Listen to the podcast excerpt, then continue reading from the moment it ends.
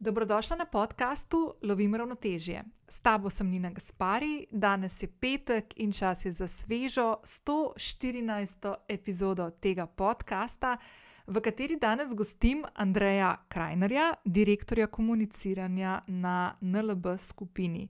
Z Andrejem se poznava že kar nekaj časa. Spoznala sva se v času študija na fakulteti za družbene vede. Kasneje sta se najni poti ponovno srečali na pristopu, na agenciji Pristop, kjer sva oba delala v oddelku za odnose z javnostmi.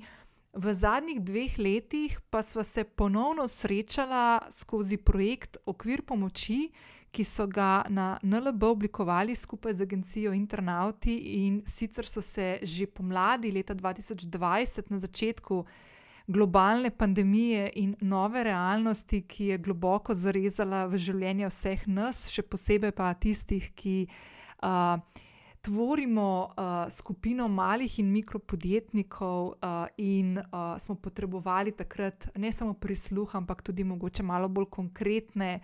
Uh, načine pomoči, in pomladi 2020 uh, je NLB predstavil projekt Okvir pomoči, ki združuje pomoč malim in mikropodjetnikom v, pri tem, da se lahko skozi oglasni prostor, ki ga NLB zakupi pri slovenskih medijih in tudi širše v regiji, kot se bova kasneje pogovarjala z Andrejem, uh, omogoči malim in mikropodjetniškim zgodbam, da se predstavljajo širši javnosti. Uh, jaz sem uh, res full vesela in ponosna, da sem lahko od samega začetka tudi del tega projekta uh, in sem neizmerno hvaležna, uh, ko slišim za take zgodbe, ki se dogajajo v našem prostoru. Predvsem zato, ker se mi zdi, da dosti krat take stvari mogoče premalo slišimo, so premalo odmevne in se v njih premalo pogovarjamo, zato jih je dodatno treba še izpostavljati. In vesela sem, da bo danes z Andrejem kar nekaj uh, minut namenila tudi razlogom, zakaj so se odločili za tak projekt, uh, kakšni so bili rezultati in konec koncev, kaj ta projekt, krasen projekt, okvir pomoči. Uh, Čaka tudi v prihodnje, ne samo v Sloveniji, ampak tudi v širši regiji, kjer NLB skupina deluje. V današnji epizodi se z Andrejem pogovarjava o njegovi poti, ki je bila, kot pravi sam, polna trenutkov, uh, tako imenovanih na pravem mestu, v pravem času, o izzivih finančnih inštitucij, kot je naprimer NLB skupina, pa o tem, kako banka gleda na izzive, s katerimi se soočamo mali in mikropodjetniki, kako nam lahko pri tem stoji ob strani. In uh, Andreja, čeprav ni strokovnjak za to področje, ampak si nisem mogla pomagati, da ga ne bi tudi to vprašala, in upam, da ob priliki uh, dobim priložnost uh, gostiti tudi kakšnega strokovnjaka na tem področju, ki bo lahko malo več uh, to stvar tudi razdelal in jo razložil, ali drži teza, da smo podjetniki in podjetnice, ki delujemo, sploh mi, ki delujemo v pravno-formalni obliki samostojnih podjetnikov, res za banko rizični in zato ne moremo priti do prepogosto nujno potrebnih kreditov. Um, še ena stvar, ki sem jo želela omeniti tukaj na začetku in o kateri se potem z Andrejem kar veliko pogovarjava v nadaljevanju, je, da ena od stvari, za katero sem NLB skupini hvaležna kot uh, samostojna podjetnica, je, da so prav z okvirjem pomoči uh, usmerili žaromete na male in mikropodjetniške zgodbe, um, ki so uh, pogosto. Uh, malo tako postavljene v ozadje v nekem gospodarskem kontekstu. Uh, zavedati se moramo, da je 9 od 10 slovenskih podjetij, podjetij pardon, uh, sodi med mala in mikropodjetja. Uh, mali in mikropodjetniki zaposlujemo okoli 450 tisoč zaposlenih slovenk in slovencev in predstavljamo največjo skupino, na kateri dejansko sloni gospodarstvo naše države. In zato je pomembno, ne samo, da se o tem pogovarjamo, ampak da se dejansko poslušamo, razumemo in da en drugemu odpiramo uh, priložnosti za, uh, v tem primeru, kot je okvir pomoči, tudi to, da gre banka nasproti uh, podjetnikom, malim in mikropodjetniškim zgodbam. In da jim omogoča tudi, da so izpostavljeni v uh, kompleksnih družbah, kot je današnja, ko je včasih zelo težko ali zelo drago priti do prepotrebne prepoznavnosti. Um, O tem in še več se pogovarjava z Andrejem v današnji epizodi, ki je res odlična za vse, ki ste na podjetniški poti, pa tudi tiste, ki morda iščete nove karierne izzive. Uh, je zanimivo poslušati Andreja, kako je šel on skozi svoje življenje, skozi različne službe in kako je izgledalo to, da se je znašel uh, na pravem mestu v pravem času. Uh, je pa ta epizoda dobra tudi za vse tiste, ki želite razumeti svet, v katerem živimo, ali pa razmišljate o iskanju nekih novih virov prihodka, kreditiranja, vrčevanja, investiranja in tako naprej. Jaz sem se kar nekaj stvari uh, naučila, oziroma zvedla na novo, ali pa mogoče še bolj pomembno, uh, mi je pogovor z Andrejem odprl določeno polje. Um, za premislek in za postavljanje mogoče bolj pravih vprašanj v prihodnje, ko se bom tudi sama odločala o načinih iskanja virov priho prihodka ali pa uh, um, dodatnih virov kreditiranja, in ko bom šla jaz tudi na banko se pozanimati o tem, kakšne so moje možnosti. Tako da zelo priporočam ta pogovor za vse tiste, ki uh, imate podobna vprašanja uh, za nek začetek razmišljanja ali pa za bolj aktivno uh, razmišljanje o teh področjih. Preden skočiva v današnji pogovor z Andrejem, te vabim, da če še nisi prijavljena na podcast Lovim Ravnotežje, to storiš zdaj. Prek aplikacije, na kateri trenutno poslušaš to epizodo, vedno sem vesela tudi ocen in mnen, ki mi jih pustiš na podcast aplikaciji ali pa se mi oglasiš v zasebno sporočilo. Najraje vidim, da to narediš na Instagramu, ker se ti bom tam tudi najhitreje oglasila nazaj. Uh, s prijavo oddajo ocene in mnenja na aplikaciji, pri kateri poslušaš podkaste, pa pomagaš, da za ta podcast slišijo tudi tebi podobne ženske in tudi moški, seveda, tudi vas pozdravljam. Uh, to je to. Uh, jaz vam želim en krasen petek, uživajte v pogovoru z Andrejem in se slišimo prihodnji teden. Živijo, Andrej. Dobro.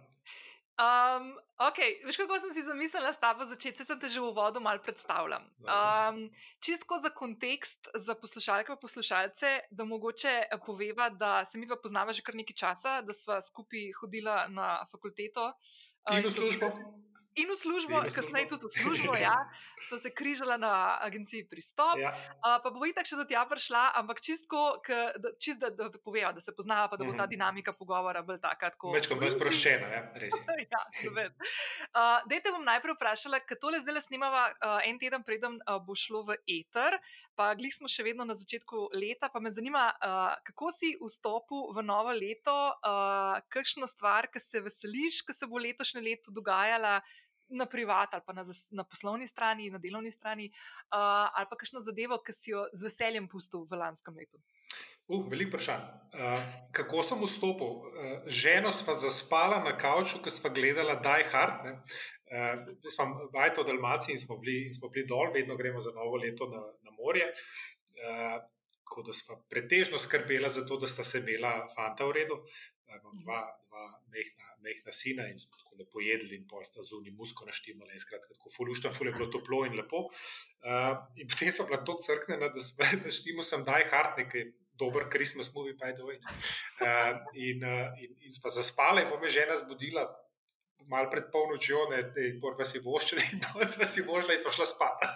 tako da, tako da uh, ej, odlično praznovanje, naslednji dan smo šli na eno plažo, bilo je skoraj 200 stopinj sonce, super, super, super začetek dolga leta. Uh, česa se veselim v 22? Mislim, da bo to leto, ko konc korone. Okay. Uh, tako sem precej optimističen, kar se tega tiče. Uh, mislim, da ta le omikron, s katerim se zdaj le soočamo, je dejansko predstavlja konc te agonije, dve letne, v kateri bomo sigurno še kaj govorili, ker je zelo vplivala tudi na to, kako je um, NLB delala, pa kaj se z marketingom dogaja, pa še kaj družbo in tako. Um, tako, da, tako da je to verjetno ta najbolj, ta najbolj rekel, pozitiven del, ne, da se po moje vračamo v neko sicer novo, pa vendar normalnost. Kar pa se tiče leta za nami, pa to bilo v, v službenem smislu fenomenalno uspešno leto. Mi smo pobrali kupico nagrad, med drugim oglaševalc leta, marketinška odličnost, finalist EFIA. Eh, to je bilo leto, ko smo integrirali eh, tretjo največjo srpsko banko, eh, na LB skupina Kupla. Skratka, tako poslovno, noro uspešno leto, res smo zelo lahko veseli in ponosni. verjetno tudi rekordno dobičkonosno, to bomo še videli. Mhm. Tako da super, privat pa tudi, no, mislim, moram reči, da smo bili v redu, zdravi, da delamo veliko doma, kar je v bistvu ena lepih prednosti korona. Da, mhm. in, in, in LB je kot delodajalca, da omogoča, da lahko veliko, ali pa celo spodbuja, da lahko veliko delamo od doma, kar je super, ker je work-life balance to meni izrazito popravilo. Mhm. Vsta komut in vsta del tega, da, da mi ni treba biti tako veliko pisarni, je čudovito. I love it. No, super. Mislim, se tako ta del, po mojem, enim zelo sedi, nekateri se malo ne znajdejo v tem. Uh, Veš kaj, mal, uh, se, se mi zdi prav, da se tega do dela v domu dotakne, vas oričem, zdaj skako preveč. Ne, super. Um, tako kot menedžer zdaj, ne, jaz vodim tim 25-26 ljudi v Sloveniji, plus dotet line še šest trgov. Ne, um, in je delo v domu ena, ena taka stališča vo, vodenja, ful zapletena stvar. Zaradi tega, ker opažam, da imamo ljudi, ki zaradi dela od doma delajo več, delajo preveč. To je za vas, ki ste podjetniki, ki pogosto delate od doma nekaj bistveno bolj običajnega. Za korporacije ne pa to nekaj povsem novega. Ta svet dela od doma, NLB ni prakticiral dela od doma do aprila 20, potem pa kar naenkrat ful.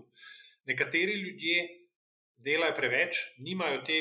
Te rutine, ki se ti prekine, ko ostaneš iz pisarne in greš domov, ampak si pač doma in, in se kar mhm. odlepaš od računalnika, um, in je to problematično ker so overwork, pride do burnouta, pride do, do, do slabšega razpoloženja in tako naprej. Nekateri ljudje pa delo doma izkoriščajo za nedelo. Uh mhm. -huh.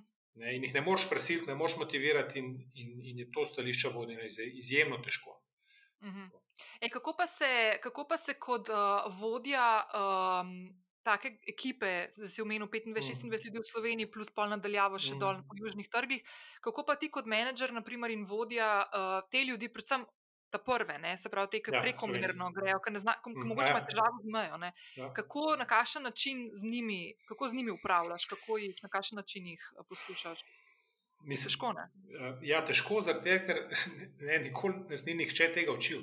Nikoli, mm -hmm. veš, to, je, to je nekaj za vse zelo, zelo novega. Uh, jaz stavim na osebni odnos in na to, da se z ljudmi čim več, čim bolj odkrito pogovarjaš. Imam tudi ful srečo v sektorju, res ful, ful srečo, da imam čudovito namestnico, ne manje. Je, mhm. vsa leta delal na moja desna in leva roka, in je, ko reko, no, mama sektorja. Vse tisto, mhm. kar morda meni manjka, ona ima. In je res v tem smislu čudovita in se zelo, zelo, zelo lepo, večplastno, tako, tako poslovno, kot v smislu vodenja ljudi, se dopolnjujeva.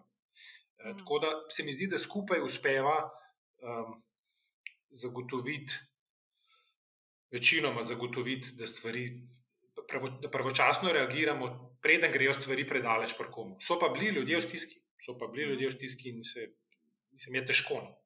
Ni čarobnega palčka, pa recimo. Ne, se ni. Se jaz to sem že kar nekajkrat zdaj, odkar se je ta mm, svetovna pandemija zgodila, zdaj že dve leti nazaj, skor, sem večkrat povedala, da jaz že skoraj 12 let delam od doma. Ne? Mm, In jaz sem, po mojem, kašnih. Ja, jaz sem enih 8-9 let rabila, da sem se naučila neke.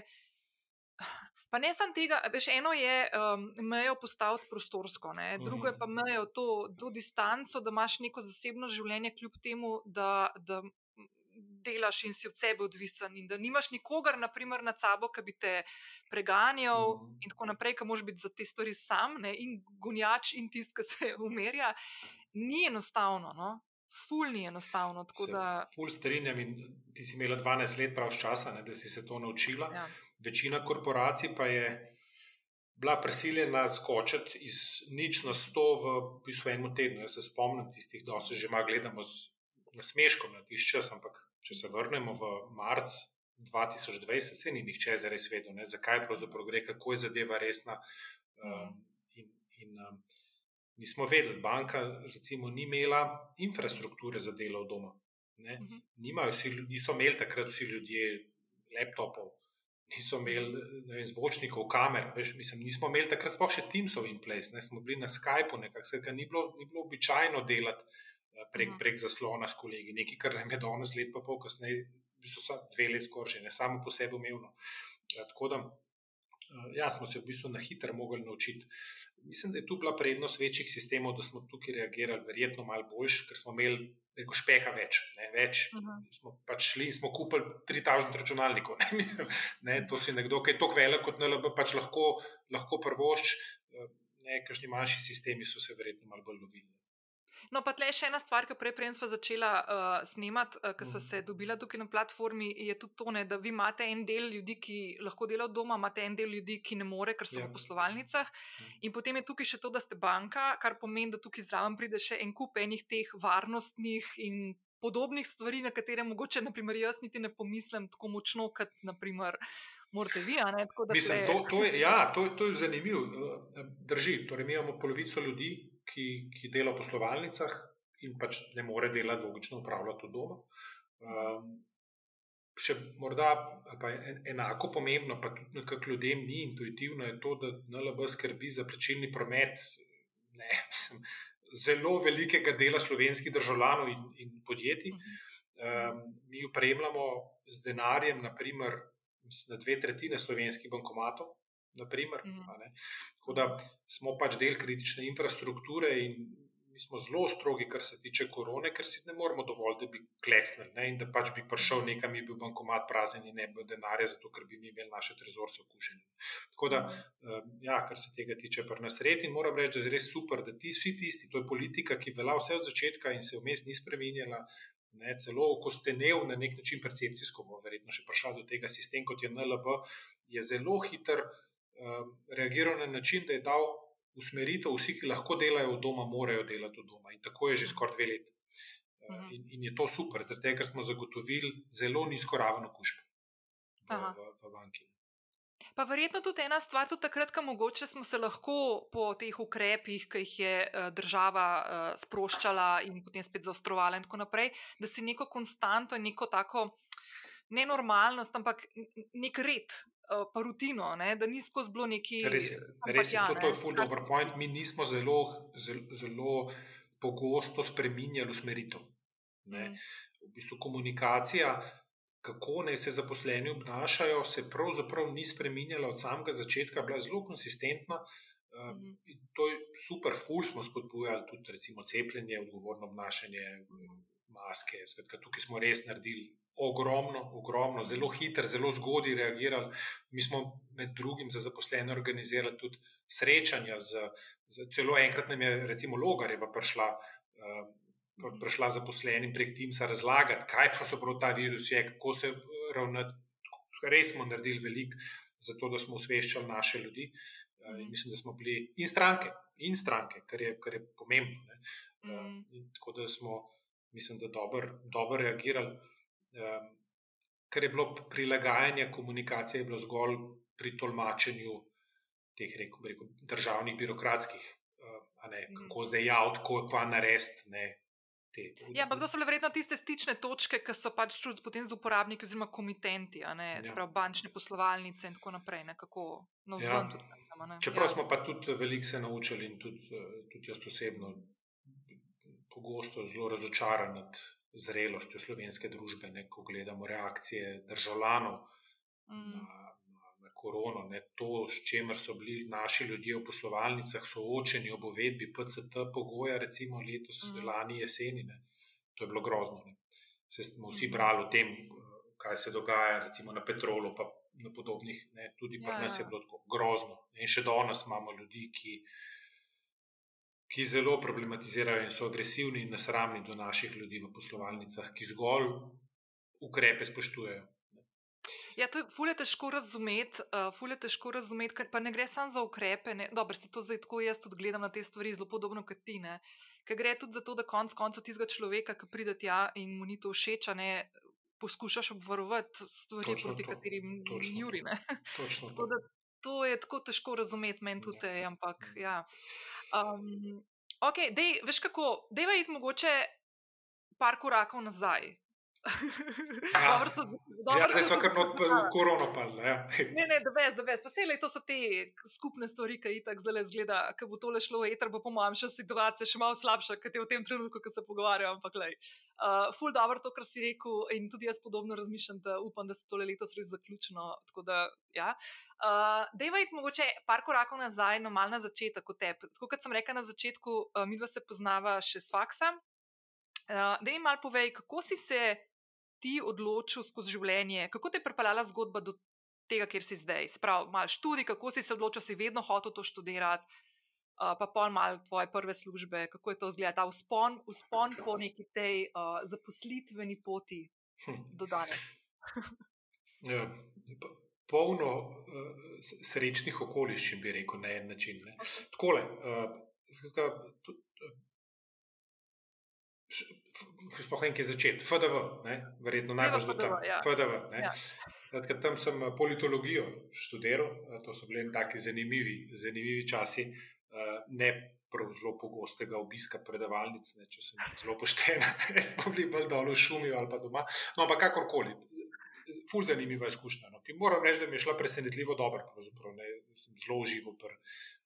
Pr, vsaj določenih predavanjih, ne imel tudi kar nekaj takih simpatično-polemičnih debat, recimo z Lukšičem, ta njega sem posebej imel, rad bil tudi moj mentor, kasneje tako v diplomi in na magisteriju. Uh, skratka, uh, zaradi družinskih okoliščin pa zelo hitro, zelo zgodaj delati začel. Ne? Najprej take neke neumna študentska dela, ne? tako da bolj ali manj od drugega letnika naprej uh, sem, uh, sem bolj ali manj stalno delo študentske, študentske zaposlitve, med drugim tudi na Združenju delodajalcev. To je bila ena tako zanimiva uh, izkušnja, kjer, je, um, kjer sem.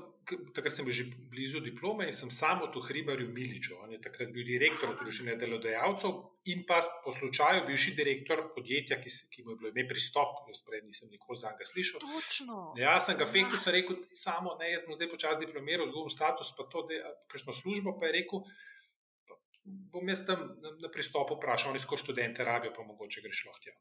Ždelo PR, so kako pa je to izpojmenilo. No, kakorkoli, long story short, šel sem, šel sem na, na pristopu prepričanju, prepričanju, da bom tam ostal nekaj mesecev in da potem bom tako, tako verjetno prišel nazaj na, na združenje delodajalcev. Šel kam drugam in ostal tam potem na pristopu sedem let. Um, moram reči, da sem bil eden bolj trdoživih. No, nekako je pristop bil znan po hitri menjavi rekel, študent, študentov. Jaz sem kar nekako ustrajal, imel sem spet precej sreče, zaradi tega, ker sem imel začetno uvajanje zelo mehko. Špela Pola, ki je bila takrat moja mentorica, bi rekel, ona super, res imela, imela take, rekel, trajnostne projekte, pretežno je ona delala zelo mehko, tudi mentor. Tako da me nekako lepo upeljala v dinamiko eh, pristopa. Potem pa nam je sorazmerno hitro postalo jasno, da ti trajnostni projekti, mehkejši, niso najbolj za me in da verjetno so močnejši pri kakšnih nekoliko bolj eh, rekel, korporativno-politično državnih projektih. Tako, tudi glede na to, kaj sem, kaj sem študiral, ne? in potem sem bil predstavljen pod. Uh, Grosta, kako se je takrat rekel temu, Uroša Hakla, danes zdaj že bivšega lastnika večera, zelo uspešnega slovenskega podjetnika. In, um, in potem smo v bistvu mi dva bila tim in tandem kar nekaj let, se mi zdi, da zelo uspešen. Uh, zdaj iz portfelja takratnih naročnikov so bile to pretežno ministrstva, državna podjetja, to so bile javne teme, to je bil media relations in tako. Skratka, take mogoče nekoliko bolj lobistično-politične teme. Um, in, in potem zanimivo, zanimiv, da sem bil zadnje dve leti na pristopu, um, outsourcen PR-ovc za NKBM. Uh -huh. NKBM v tistih časih ni imel um, svojega PR-ovca. Um, Torej, media relations, človeka za odnose z mediji, in je v bistvu to bilo outsourceno na pristop. Tako da sem v bistvu jaz za NKBM odgovarjal na novinarsko vprašanje in delu z, z novinarji, ker je bila zahtevna, ampak čudovita izkušnja. Prvič zaradi tega, ker sem se lepo naučil uh, nečesa, kar danes rabim, torej bančništva, terminologije in tako. Drugič zato, ker eh, sem zelo lepo zgradil odnose z uh, novinarji. Tretjič pa zato, ker je bilo to zelo dinamično obdobje, ko sem jaz delal za NKBM, je bil to čas um, prve finančne krize. Torej, padcev, zlomov, istraben, zalaškega in podobnih, kjer je seveda NKBM kot druga največja banka bila predvsej upletena in je bilo seveda to zadevno veliko novinarskih vprašanj. E, tako da sem v bistvu kar velik stvari se še v tem smislu naučil, ne, spoznal tudi akterjev in tako naprej. Mhm. Skratka, čudovita, zanimiva izkušnja. Osebno, v smislu pristopa, je bil na nek tak lep podaljšek študentskega življenja, na en način, na drug način pa tudi trdo delo, zahtevne teme. Skratka, zanimivo. Pa že ženo sem tam spoznal, ne, kar je pa sploh še en tak, še, še en tak dodaten, dodaten edon. Uh, no, uh, potem pa je prišel klic iz, iz uh, takrat Simobila. Um, Simobil je imel eno tako zanimivo takrat življenjsko obdobje, na nek način bi rekel. Simobil je namreč um, bil percepiran predvsej, predvsem kot telekomunikacijski operater za mlade. To je podjetje, ki je svojo, svojo takrat zmagovalno pozicijo zgradilo predvsem na segmentu Orta in je bilo nekakšna poslovna ambicija, da je čas, da se da mogoče dobi nekaj na svoji resnosti. V smislu javne podobe, tudi v smislu predsednika uprave, ne Dejana, ki je absolutno najboljši marketingar, ki je v življenju delal čudovit človek, res vir navdiha. Ne? Ampak je, je bil takrat pretežno pozicioniran v marketinški sferi. Ne? To so bili časi, ko se je repozicioniral tudi on poslovno, postal predsednik združenja, menedžer, vstopil v UNICEF, se začel oglašati na teme povezane z makrogospodarskimi temami in podobno. Skratka, iskali so resnejšega PR-ovca, ki bi bolj se s korporativnimi mm. temami ukvarjal in pomagal tudi podjetju v tem smislu predstavljati uh, bolj v, v to neko resno poslovno sfero, na nek način, v smislu percepcije medijev in podobnega. Uh, in sem takrat to službo sprejel, spet ne, da bi prav zares povedal, v kaj se podaja.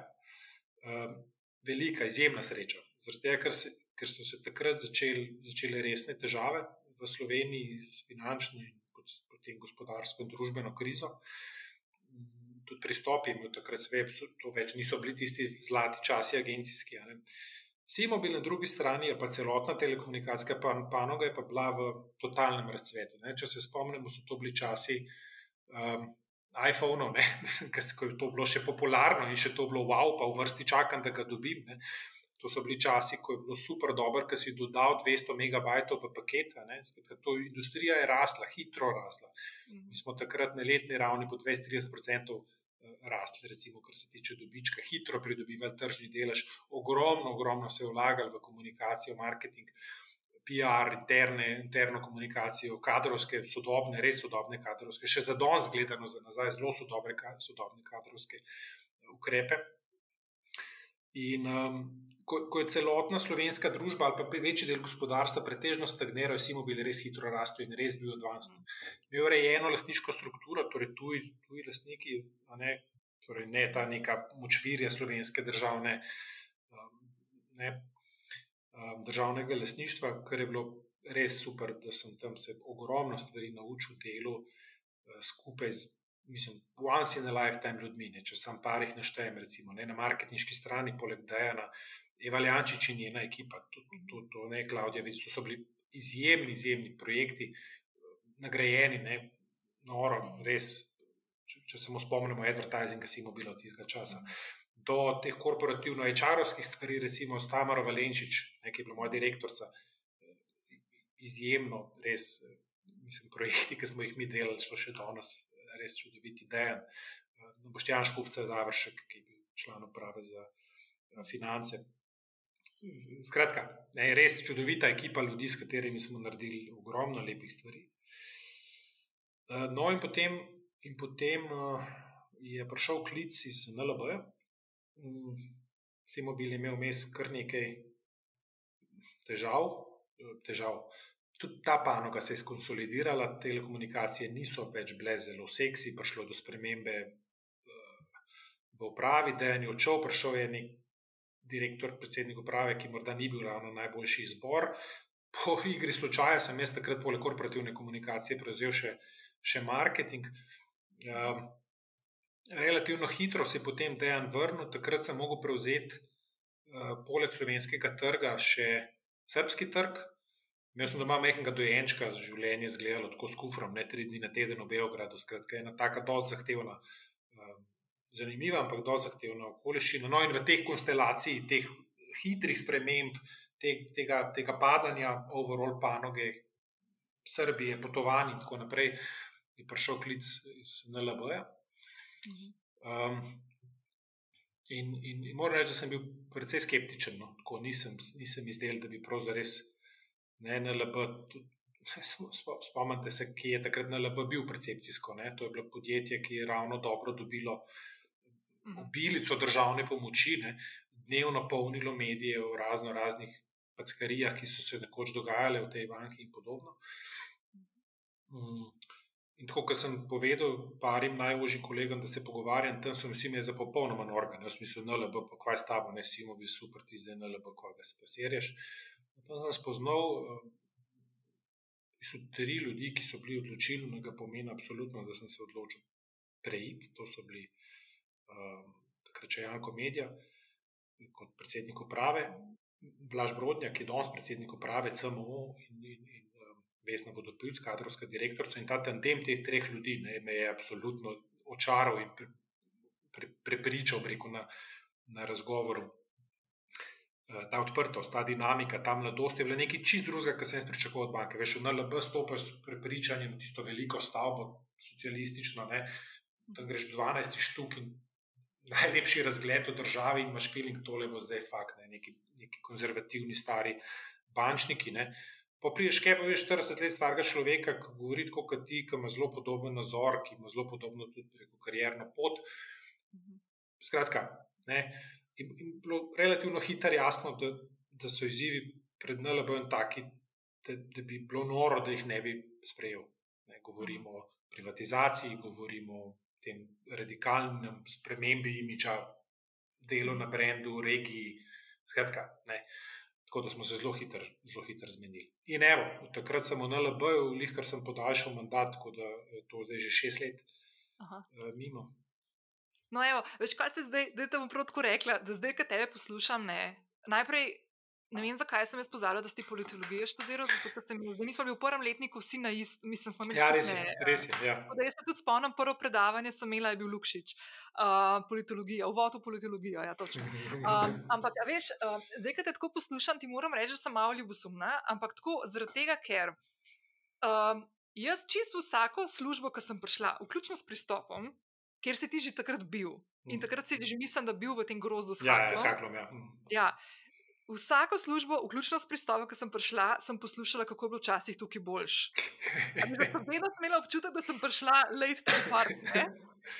ja, ja, in pa se mi je na pristopu zgodila še ena taka stvar, ki sem bila ful žalostna, ker pristop je imel ful dobro to, uh, to grozdenje, ne? to, da si imel nekoga mentorja, od katerega si se učil.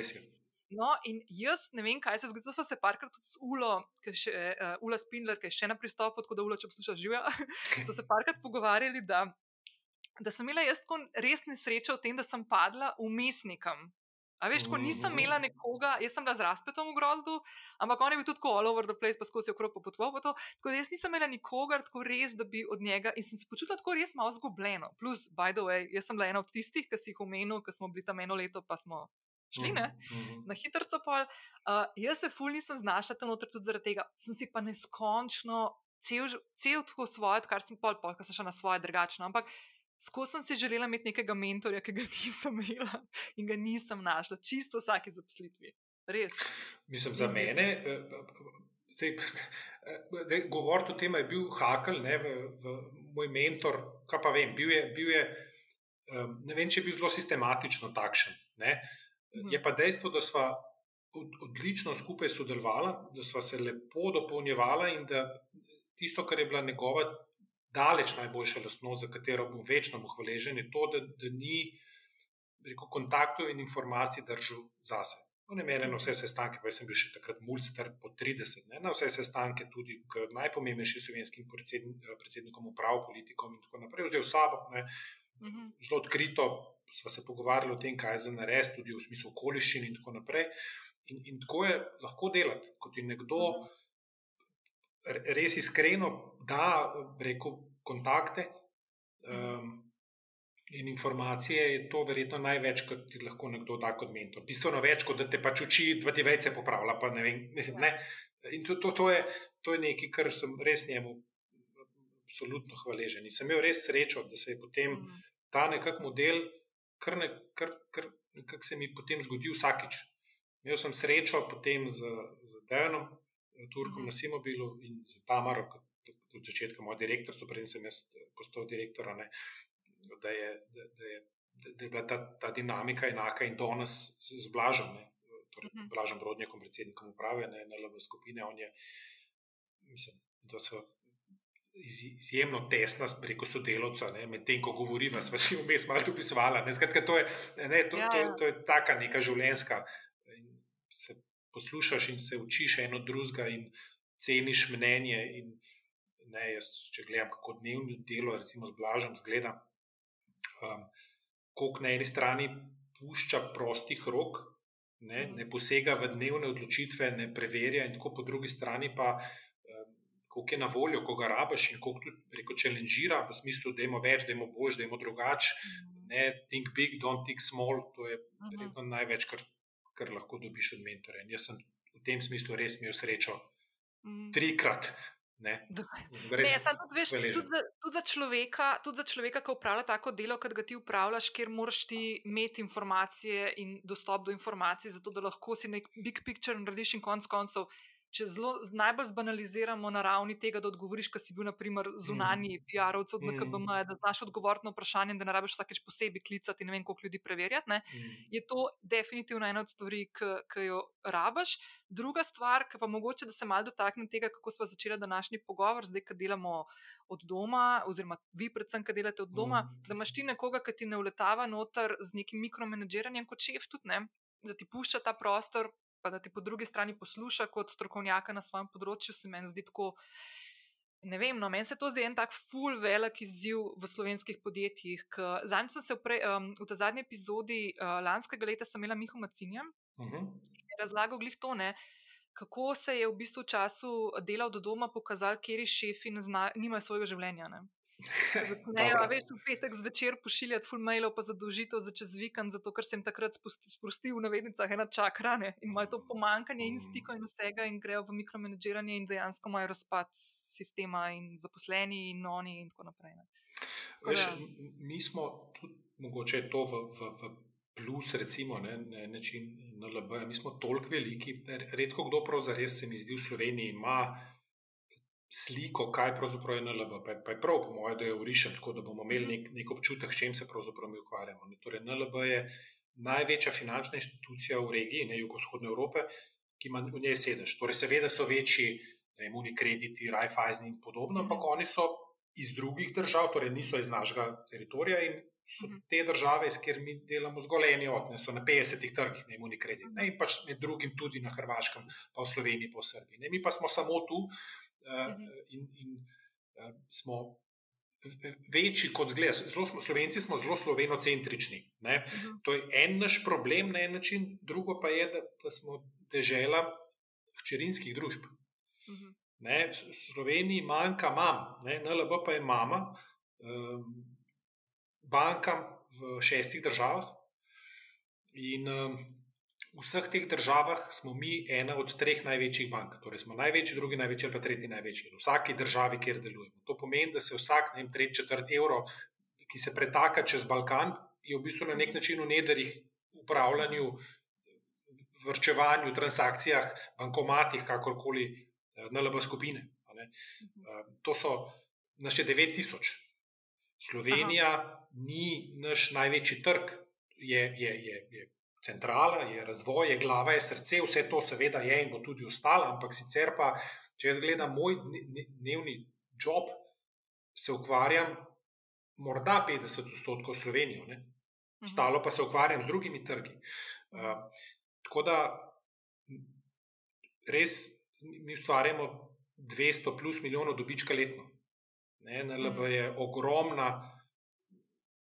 uspešna mednarodna inštitucija, tudi je prav, da povem, da vsi imamo verjetno tisto sliko NLB, medijsko ustvarjeno sliko, noč ne rečem, pogosto zelo upravičeno iz tistih starih časov, ampak um, ko, ko smo mi bili državno podjetje. Ne? Mhm. NLB je privatno podjetje, kotira kot edina regijska finančna družba na londonski borzi. 75 odstotkov NLB-jevih delnic je v lasti največjih, najuglednejših mednarodnih, predvsem ameriških, eh, angliških, nemških finančnih skladov, ne kratkoročnih vlagateljev, ampak dolgoročnih, stabilnih, velikih finančnih skladov.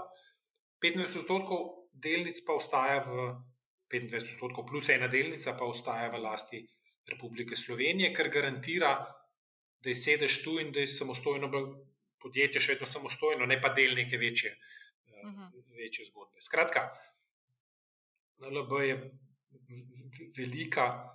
Um, uspešna, moderna inštitucija, ki je v zadnjih petih, šestih, sedmih letih doživela transformacijo, ki jo, po moji oceni, nobena druga slovenska družba v zadnjem času ni. Kje so bile tiste ključne stvari? Uh, a veš, ko si prej razlagal, da ko si na takratnem Simobilu sedel in dobil to ponudbo, je bilo glih tisto obdobje, no, ki je bil NLB res po medijih in mm. zapacan, v bistvu ja. blagovna znamka zapacana, ne, da je tako reči. Uh, pa do danes, kje so tiste ključne stvari in premiki, ki si jih tudi zelo malo omenil, uh, um, ki so se zgodile, da je danes NLB. Da, mislim, da je pridobila na ogledu, da je se je postavila tudi v regiji, kot si omenil, mm. za eno od ključnih in največjih finančnih inštitucij. Kje so tiste ključne stvari? Pa da si, mislim, da si tudi ti, seveda, da pri pr njih sodeloval. Um, bi probil risati skozi reko stopničke, ki, ki smo jih tako nekako stopili. Predstavljate si stopničke. Bom pa začel z enim zanimivim sestankom, ki sem ga imel kmalo potem, ko sem prišel v NLB. To je bilo februarja 16. Um, v spletu okoliščin sem imel sestanek z Enelom iz Valikona.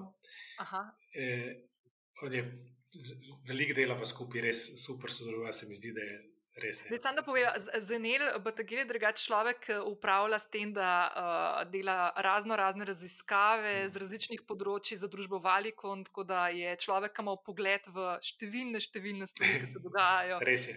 Tudi na ravni glav naših, kako dojemamo kakšne stvari. Res je, res je. Ja. izjemen, izjemen eh, človek, s res eh, močnim znanjem in kar se mi zdi pri njemu verjetno še te najbolj meni sočno načinom, kako on zna to predstaviti. To je, to je, to je, to je talent, to je treba znati povedati ljudem, ki imajo malo časa, ne, na način, da bodo razumeli, kaj jim govoriš, dovolj dramatično, da bodo reagirali. Ne. Mhm. V glavnem. Um, Je, je nek, nek brand research in je rekel, veš, prav, sem videl veliko slabih uh, brand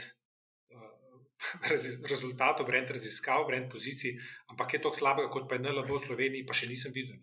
Je bil, je, kot ponavadi, večkrat dramatičen, ampak he wasn't wrong. Ne. Eh, NLB je res bila v resnih škripcih takrat, 2016. Lih so zamenjali, ko sem prišel, sem en teden samo delal z Janko Tomedijo, v bistvu, ko sem jaz prišel, je on že, že odšel. Um, Blaž je potem prevzel. Uh, mestu predsednika uprave, skratka, turbulentni, naporni časi. Mi smo imeli eh, obdobja, ko je bilo več kot dve tretjine medijskih objav o NLB-ju v Sloveniji negativnih. Mhm. Ne, danes smo na nič cela tri procente. To je občutek, kam smo prišli. Uh, mogoče v priliki razložim tudi, kako smo zanimivo padali v smislu medijskega zanimanja in poročanja, takoj po privatizaciji. Skratka, uh, res zahtevni časi. No. Zahtevni časi, velik, uh, um, okostnjakov, ki so, ki so prihajali iz starih časov na, na plano in podobno, veliko medijskega pritiska. In um, tik pred vrati privatizacija, ki, uh, ki je bila zelo polemična uh, in je imela več nasprotnikov kot podpornikov. Ne. Nihče prav zares, po mojem, ni verjel, da bo Slovenija dejansko kdaj prodala na LB. No, in v tej konstelaciji sem jaz prišel in bi opisal približno sledečih stopničkah. Prva stopnička, ko sem, ko sem jaz prišel, je bila torej banka v škripcih, kjer je bilo treba na nek način postaviti um, infrastrukturo. Kako pravzaprav, kva ne res, da bomo, začeli, da bomo sploh lahko začeli izboljšati. Um, in, in takrat niti na Facebooku še na LB ni bil. Ne, naprimer. Mhm. Ton in stil odgovarjanja je bil zelo korporativen, dolg, nerazumljivi stavki, skratka, tisti star bančni vokabular iz 90-ih, če si predstavljamo. Ne, skratka, to je bilo res treba v bistvu na nek način reset pritisati in postaviti znova. Organizacijsko, kako torej sploh ločeno bi korporativno komuniciranje, PR, reko na nek način delstvo, se ne vem, sekretarjata, pa potem strategije, pa ne pa tržno komuniciranje nekje drugje. Skratka, all wrong. Ne. Treba organizacijsko postaviti pravilno, treba je bilo ljudi postaviti ta prave, treba je bilo sploh razumeti, kaj se dogaja. Sploh razumeti, torej resne brend raziskave, naročiti se sploh vprašati, kaj, kje sploh smo, ne dobiti sploh resno sliko. Vsi smo intuitivno vedeli, da je slabo, pa se ni noben zares vedel, koliko je slabo, kje je slabo, kaj je tisto, kar je. Ne. Tako. Etka, to je bila na nek način, rekel, prva, poštimati infrastrukturo, postaviti temelje. Ne. Zdaj, druga, druga stopnička je bila, um, ko, smo, ko smo se pretežno ukvarjali v, bistvu v resnici bolj s korporativnim delom komunikacije. To je bil čas te predprivatizacije, modernizacije načina dela, ceasefire z novinarji. Ne? Recimo, z Petro, ne Soldatovo, sva tesno delava skupaj, dolgo se poznavajo. Ne? Za mene je absolutno ena najboljših, če ne najboljša slovenska novinarka, ne? način, kako ona dela. Skratka, veliko dela, se to sigurno, če boš zdaj imela tudi ona, lahko pove. Veliko dela je bilo potrebnega, da smo, da smo na nek način rekli, da je sodelovati, da je probati isto vidimo. Dejmo, skratka, ne, da, smo, da smo začeli, da smo zgradili ta prav odnos, kot ga ima ta glavni finančni novinar v državi, pa, pa največja finančna inštitucija v državi. Ne. Mhm. Korektno odgovoriš, tudi če je eba, in, in, in tudi, tudi korektno potem pišeš nazaj. Skratka, imaš nek, nek ne bi rekel, korekten working relationship. Ne. To je bilo hard work, to je bilo hard work, to je bilo veliko zamer, to je bilo veliko napak, ki so se dogajale v preteklosti in to smo se mi zdi dosti lepo sanirali, popravili to in stil, način dela in tako naprej. Mm. In skratka, začeli umirjati na nek način ta, ta negativen pritisk. Ne, dobili neko mirnost zunanjega okolja, da smo sploh lahko se sistematično lotevali naprej. Tik pred začetkom privatizacije smo se začeli bolj ukvarjati z eh, tržno-komunikacijskim delom. Ne, po, recimo, da je korporativen že bil na nek način umirjen, ne, smo se začeli bolj ukvarjati s tržno-komunikacijskim delom, kjer smo zelo intenzivirali oglaševanje. Mhm. Mi smo takrat postavili novo brend strategijo, eh, to sta pomagala narediti Urša Pučko, eh, tudi jo poznaš, tudi danes direktorica lastnica internautov, moja absolutno zunanja, preko desna roka pri pr strateških marketinških razmislekih. Eh, pa Janko iz Aragona, tudi raziskovalne agencije, torej oni dva sta pomagala na nek način usmisliti novo brand strategijo. Potem smo šli v razpis, brali novo hišno komunikacijsko agencijo. Tudi to prej ni bila praksa, bilo je zelo veliko različnih agencij v banki, potem smo to vse nekako pokupčkali in naredili. Zbrali Grej, eh, ki nam je postavil na podlagi brand strategije komunikacijsko strategijo, eh, da smo potem začeli zelo intenzivirati oglaševanje gre na redu.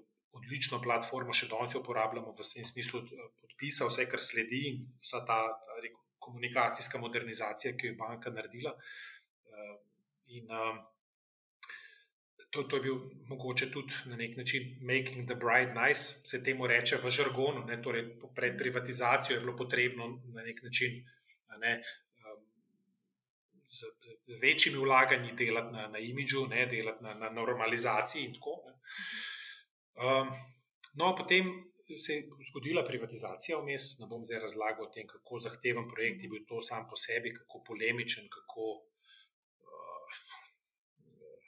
nekajkrat vmes zelo, zelo na ivici bo ne bo. Ne. Skratka, je uspel, eh, smo bili zelo uspešno, zelo, zelo uspešno privatizirani. Mislim, da smo postavili lastniški model, ki bi moral biti zgled v Sloveniji, kako še marsikatero podjetje, tudi mala podjetja, ne, držinska in tako bi lahko iskala svoje, svoje načine, strukture lastniške. Um, skratka, je, je, potem smo dobili, to, to, je bila, to je bila radikalna sprememba.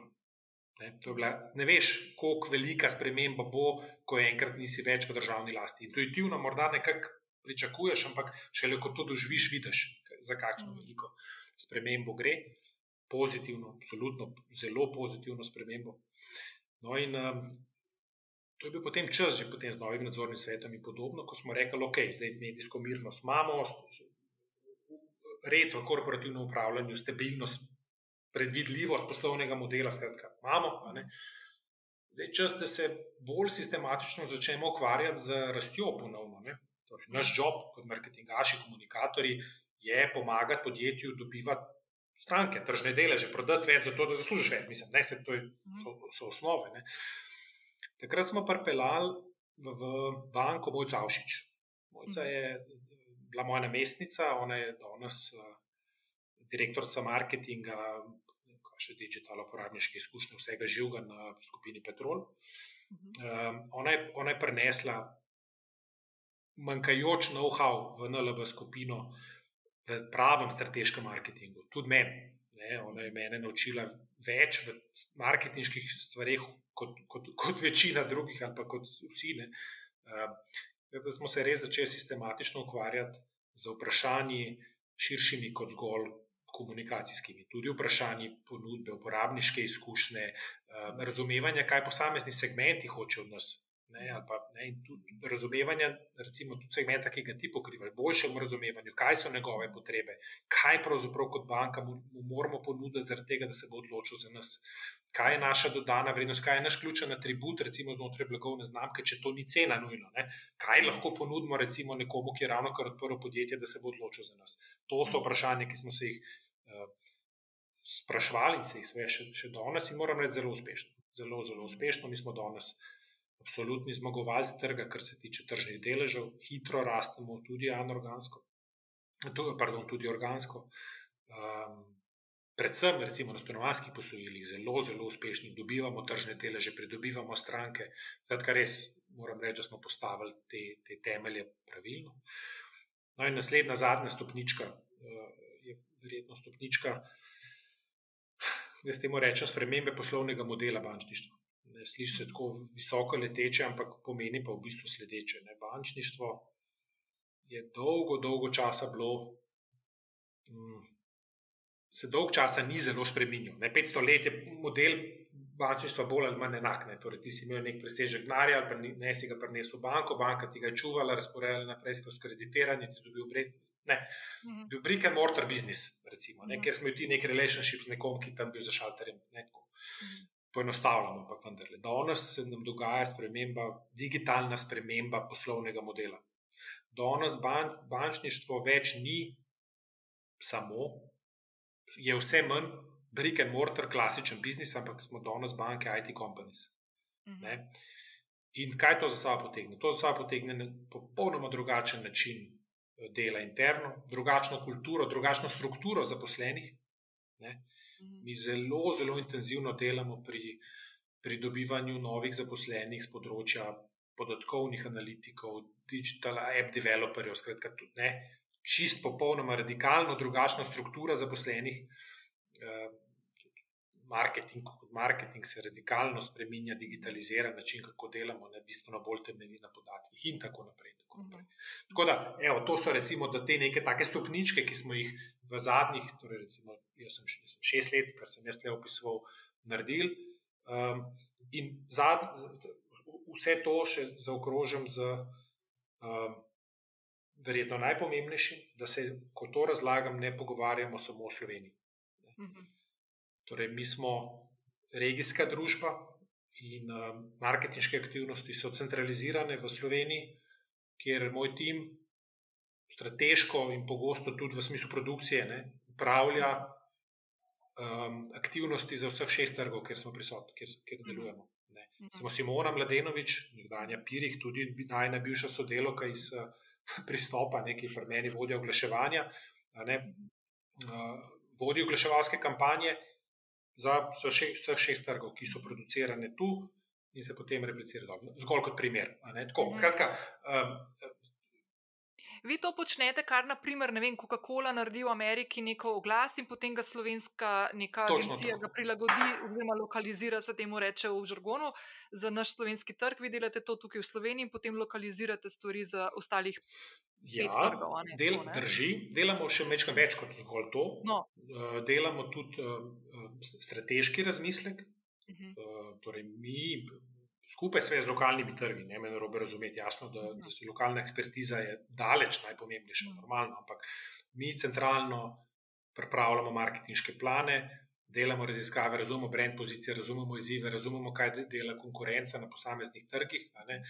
In mi predlagamo, na kakšen način, kaj izvesti na posameznem trgu uh mhm. -huh. za dosego poslovnih ciljev. Mhm. Mi delamo produkcijo, mi delamo medijski zakup, ne, mi ko, centralno koordiniramo agencije.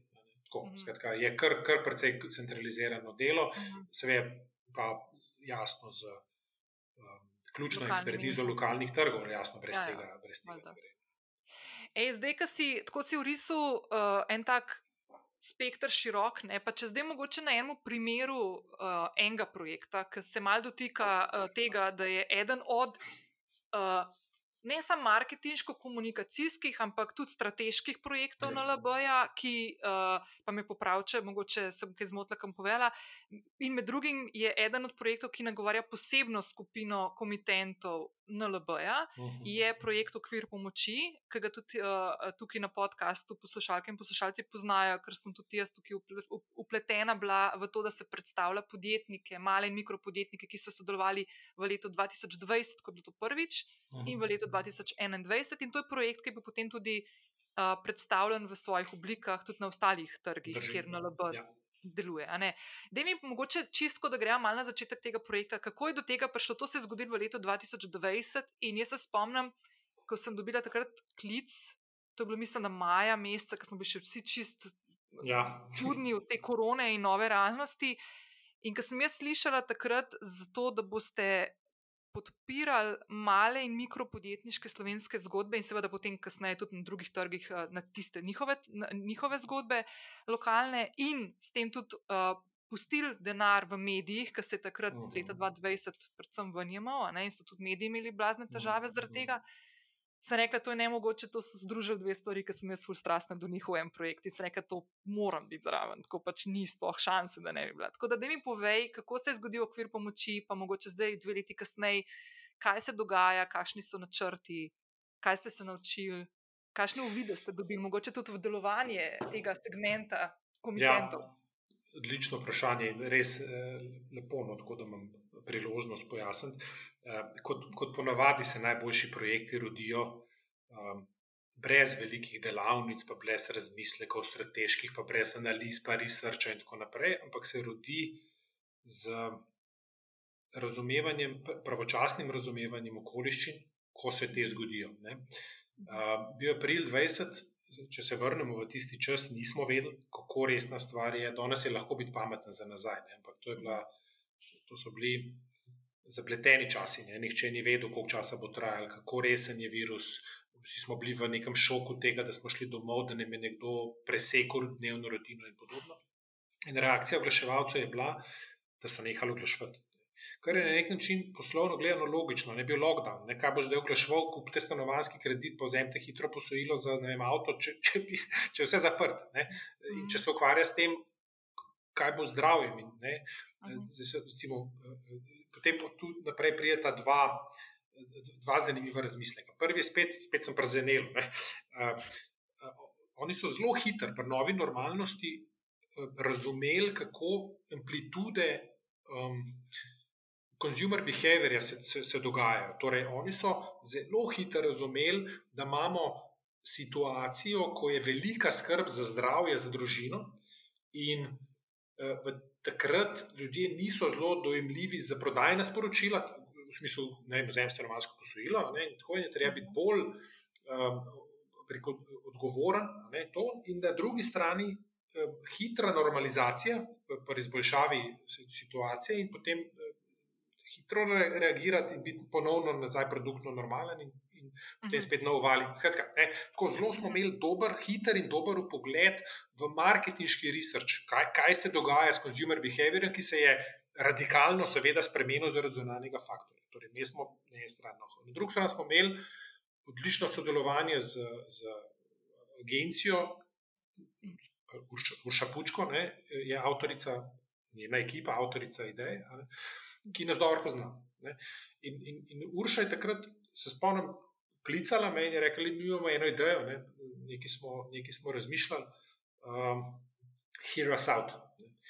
Mhm. In, in, in smo pač prisluhnili uh, temu, kar so imeli zapovedati, in oni so, so dober nastavek, imeli dober razmislek, ki smo ga potem skupaj, v bistvu, e, eni, po mojem, pol urni, ne več kot tok, um, sešnu, na, na, na Skypeu, verjetno še takrat se niti ne vem, bi se sestavili skupaj. Postavili smo, skupaj smo sestavili, se mi zdi, en tak lep trikotnik. Um, dejstva, da smo vedeli, da ni pametno, da ugasnemo oglaševanje, da se kar omaknemo z medijem. Mhm. Dejstvo, da imajo podjetniki težavo, ker kar naenkrat niso smeli delati, ne? mislim, to je bilo mhm. sredi lockdowna in, in zdaj kaj boš. Spomnim se, da so bili časi moratorijev, to ni bilo mhm. jasno, koliko časa bo trajalo in kaj se bo dogajalo. So pa to naše stranke, če jim gre slabo, njim gre slabo, nam, skratka, treba je pomagati as much as possible, da prebrodijo kratkoročen šok, ker sicer gre za zdrava, dobra podjetja z dobrimi poslovnimi idejami, ki morda pa ne, ne bi preživela zaradi eksterne situacije, ne zaradi lastnih mhm. napak. Recimo, uh, torej, mi smo, mi smo zanimivo situacijo v medijskem svetu. Mediji so kar nekaj začeli izgubljati svoj. Oglaševalce, ki so prazni, bili so. Uh, In smo takrat, se mi zdi, lepo skupaj to zadevo sestavili in rodil se je okvir pomoči, kjer smo v bistvu, vse mehanika okvira pomoči ni radikalno nova, je že bila videna, verjetno v nekih variacijah, eh, tudi ki je zunaj, ampak tisto, kar smo mi v bistvu naredili, je to, da smo svoj lasten oglaševalski prostor dal malim podjetjem um, za, za njihovo promocijo in v tem smislu za, za pomoč pr, pr, preko revivalu, potem, ko so se stvari, ko so se stvari odprle. Mhm. In, in trofe smo, se mi zdi, res. res dober, se je vse skupaj zložil, kako je treba. Mastercard je bil zraven, uh, ProPlus je bil zraven, uh, Europlakat, skratka, nekako pravi partnerji. Uh, dobra komunikacija, dobra marketinško, strateško postavljena, dobra ideja. Skratka, vse stvari so se skupaj zložile tako, kot je treba, in bilo je povsem jasno, da jo bomo replicirali ali pa kopirali tudi na naše članice po, po bivši Jugoslaviji izjemno uspešno, tam, je, tam, tam so trgi mestoma nekoliko manj razviti marketinško kot pri nas, ne mislim Srbija, ampak nekateri drugi pa. Ne? In je to bila tam še toliko bolj novost, je to bilo še toliko bolj presenečenje, je to bilo nekaj povsem neverjetnega za podjetnike dol. Ne? Mhm. In bilo je tudi jasno po takem uspehu, da ga bomo ponovili, kar smo tudi naredili v 21, in po uspehu ponovno v 21, je jasno, da ga bomo naredili tudi v 22. Mhm. Veš, kaj, Ampak drugače. Ja. Aha, ne, veš, kaj sem hodila, sorry, te prekinjam. Veš, kaj sem hodila čisto za poslušalce, mogoče samo eno stvar, tako um, leto 2020, tam pomlad, pred poletjem, uh -huh. se mogoče že malo pozabimo. Mi smo takrat vstopili v to pandemijo v nekem prepričanju, da bo to 14 dni trajalo, in pol tam enkrat aprila, meseca maja smo ugotovili, da teh 14 dni je že kar malo dolgih in da bo trajalo. Ja, ja. Valjda, da smo že dve leti in smo že pozabili na unih 14 dni. Ampak ena druga stvar, ki se jo jaz spomnim iz tistega časa, zato se mi zdi ta projekt ful pomemben uh, v ne samo v tem marketinškem, ampak tudi v tem odgovornem načinu uh, pogleda na družbo, v kateri je eno podjetje del te družbe in so ustvarja, konc koncev, kot pomemben player, kot si prej omenil, kako je NLB veliko podjetje, koliko enega denarja, konc koncev se tukaj pretaka, ne samo v Sloveniji, ampak v regiji, da je pač pomembna stvar in pomembno upleten v praktično življenje vsakega, ne vem. Tretjega, četrtega, verjetno, te, uh, uh, prebivalca te regije. Uh mhm. -huh. Uh, jaz se spomnim, takrat, aprila meseca, je bilo na tem, da nekateri časopisi oziroma revije ne izidejo. Zaradi tega, ker je bilo toliko denarja pobranga na hitro, praktično čez noč, uh, denarja oglaševalcev iz medijev.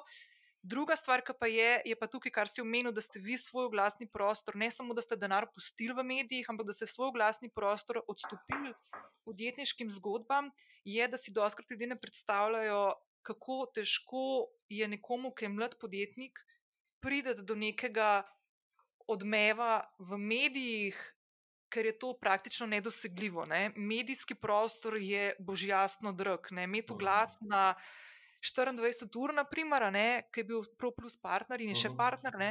je to nekaj, kar je praktično skoraj ne mogoče za nekoga, ki začenja podjetniško pot ali pa ima nekaj tam, ne vem, 5-10 zaposlenih, pa dela, ne vem, par sto jurjev na let, ne, ne bodo ja. od tega denarja v to. Tako da tukaj je bilo en kup enih takih stvari upletenih, ki mogoče se ljudje doskrat niti ne zavedamo, kaj vse tukaj potegne za sabo in kaj, kaj ste vi spravili noter v en projekt. No? En... Ja, se strinjam, hvala. To lepo si zdaj povzela, lepše kot jaz, kaj je pravzaprav bil bit ali pa srž tega projekta. Točno to mi smo omogočili. Um, podjetjem, ki, ki bi jim sicer bil medijski prostor absolutno nedosegljiv, ker je noro drag, ne, smo omogočili to, da so bili njihovi izdelki promovirani v prime timeu v osrednjih slovenskih medijih. Mhm. In to je res eh, nekaj, kar imamo merjeno dokaz, da jim je direktno vplivalo na, na prepoznavnost in na prodajo. In to dolgoročno, to so podjetja, ki niso zgolj enkratno, večina njih ni zgolj enkratno doživela povečanje prodaje, ne, ampak so mhm. dejansko. Um, Je to v bistvu dvignilo celo njihovo, celo njihovo poslovanje na ene više obrate, ne, dolgoročno. Mm. Tako da res super, res sem imel priložnost uh, govoriti. Letos jeseni smo imeli en uh, dogodek intern za, za naše zaposlene iz cele skupine. In sem imel priložnost govoriti s parimi temi podjetniki iz mhm. vseh, vseh držav. Uh, in res, to so take zgodbe, ne vem, uh, prodajalka oblačil v, v dizajnerka. V bistvu, no, najprej pa potem prodajalka oblačil iz Kosova. Nekaj je ona opisovala to situacijo na nekem trgu, ki je nam zelo odmaknjen. Kaj je njej pomenilo, da je podjetje, da, da, je neka banka -hmm. omogočila in promocijo medijski prostor, in kako je. Tako, ne, potem so te življenjske zgodbe, kako je pa njena babica to videla, in potem kako je pa prijateljica klicala, s katero ni bilo. Skratka, izjemno, no, jaz sem bil tako res, res sem bil ponosen. Ne, to super je. In tukaj je ena stvar, ki se je pa še pol dodatno zgodila zraven, poleg tega ne, je pa ta, da ste usmerjali en žaromet v del gospodarstva, ki je doskrat, prevečkrat eh, zapostavljen kot mogoče nek player, ki ni tako pomemben, ampak da dejansko smo tudi jaz, no, konc koncev, tukaj, ki sem zraven bila, da smo veliko usmerjali uh, energije in uh, vsebin v to, da smo prikazali, da mali in mikropodjetniki ne, predstavljajo tako ogromen del gospodarstva, ogromno težo gospodarstva nosimo. Rečemo, tako bom zdaj sebe dala tudi zraven, ker rečemo, da se štejem po te malo mikropodjetnike. Ampak ogromno, ogromno ene teže enega gospodarstva nosimo na svojih plečih, ki se tega včasih niti ne zavedamo. Absolutno, ne? to drži. Banke to zelo, zelo, zelo dobro razumemo. Ne? Mi smo del tega, rečemo, centralnega, centralno-evropskega, nemškega poslovnega modela, ki ima dve značilnosti. Eden je, da je zelo bankocentričen, in drugi je. Ne pa, ne pa delniško centričen, tako kot recimo anglo-saksonski svet. Ne? In drugo, da je gospodarstvo v bistvu temelji na malih družinskih podjetjih. To je hrbtenica gospodarstva, to smo velikokrat slišali, ne, ko smo hrbtenica gospodarstva, malo pa to res razumemo, kaj pomeni. Mhm. Malo to res razumemo, kaj pomeni. Banke to zelo dobro razumemo, ker se to neposredno na PND-u zelo, zelo hitro pozna. Uh, make it or break it slovenskega gospodarstva je um, ko reko temu, inovativno brbotanje in pridnost in trdo delo malih slovenskih podjetnikov, ki svojimi žulji gradijo podjetja, ki niso nujno zelo velika, niso nujno globalno prepoznavna, ampak dajo kruh družini dvem, trem. Uh mhm. -huh. To je ključno. To je ja. ključno. Ja, koliko ljudi je tukaj vpletenih, koliko ljudi je tukaj povezanih tako ali drugače uh, z nekim malim ali pa mikropodjetnikom ali pa neko ja. zgodbo. Ne? Ja. Tako da, dej, uh, mogoče zdaj tako. Ker smo ravno pri tem, ki po mojem, nekdo, ki zdaj posluša, pa je, ne vem, naprimer, samostojni podjetnik, je po mojem ena stvar, ki jo čaka, zdaj, da jo vprašam, pa te bom kar vprašala direktno. Um, odnos, od, od, od, mislim, ne, od, ja, odnos banka in mali oziroma mikropodjetnik. Ne? Kako lahko banka, naprimer, naprimer, konkretno na LB, stoji ob strani enemu malemu mikropodjetniku. Pa bom dala za primer, naprimer, SP, ki se mi v teh stvarih zelo veliko govori. Naprimer, SP in v navednicah, da je več problematika, um, da je direktno problematika kredita, kredita, kreditiranja uh, podjetnika, ki je na SP. Pravno-formalni bazi. Ja, ja, ja. Kaj se tukaj dogaja, oziroma zakaj je tak problem SP-jevcu pri banki dobiti kredit? Bom probo strniti v par misli, pri čemer disclaimer, da ni preko razvoja produktov, ni moje področje, tako da zelo mi prodaja, prav tako ne, ne da se ukvarjam z marketingom, ampak vendarle. Zavedam se, da je um, področje problematično in da je bilo v preteklosti verjetno posebej problematično, ali pa tudi problematično pri velikih bankah, torej tudi pri nas. Um, mikropodjetja so segment, kjer smo vsi veliko govorili o tem, da bi bilo dobro in pomembno, in da je to naš strateški fokus, da z njimi dobro delamo, in ker so to baza novih strank, ki potem pridobiš, pa zraste, pa potem skratka, postane velika in tudi zelo dobiš konosna. Naredili smo pa relativno malo. do pred crka dvemi leti, letom pa pol dvemi, ko se je to začelo precej hitro pri nas spremenjati. Torej, NLB je zelo, zelo radikalno spremenila določene svoje poslovne. Um, Da pa reč pozicijo, produktni portfelj, um, value proposition, uporabniško izkušnjo uh, v marsikaterem segmentu, tudi v segmentu malih in mikropodjetij, uh, morda pa še ne ravno dovolj. Zdaj pa bi, bi od tu dalje razdelil na, na, na, mhm. na dva dela. En del je um, osnovno poslovanje, poslovno poslovanje malih in mikropodjetij. Ne. Uh, tu je objektivno zmagovalec trga zadnjega desetletja, ponudnik na bančnem trgu, ki ima diskontno pozicijo. Ne, ne bom poimensko omenil, ampak okay. si, si znate verjetno predstavljati. Mhm. Skratka, imamo tudi na bančništvu, podobno kot recimo v telekomunikacijah, mm. igralca, ki na trgu nastopa z ključno obljubo najniže cene. Mm -hmm. okay. In pogosto so ti mikro in mala podjetja se odločala, da je to dovolj. Mm -hmm. torej, ker mi banke itak res ne dajo, pa se prav res neč od njih ne rabim, razen tega, da imam pač tam nek tekoč račun, kamor neki denarja pride, pa mogoče kartico, vse ok, greh ta najcenejši.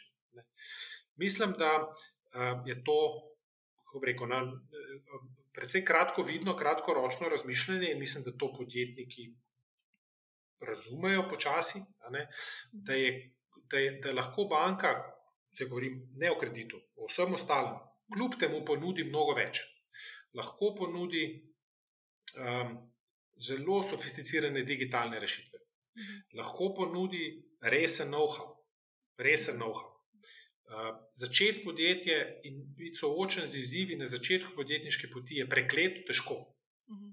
Bistveno več vprašanj kot odgovorov. Kdo razume, ti si, ti si podjetnik, se ukvarja z nekim biznisom, v katerem si dober in ga želiš razviti, kaj ti veš o bančništvu, finančnih in nekih kompleksnih stvareh. In je dobro imeti ob sebi nekoga, ki ima obilico znanja in ti lahko pristno pomaga. Ne?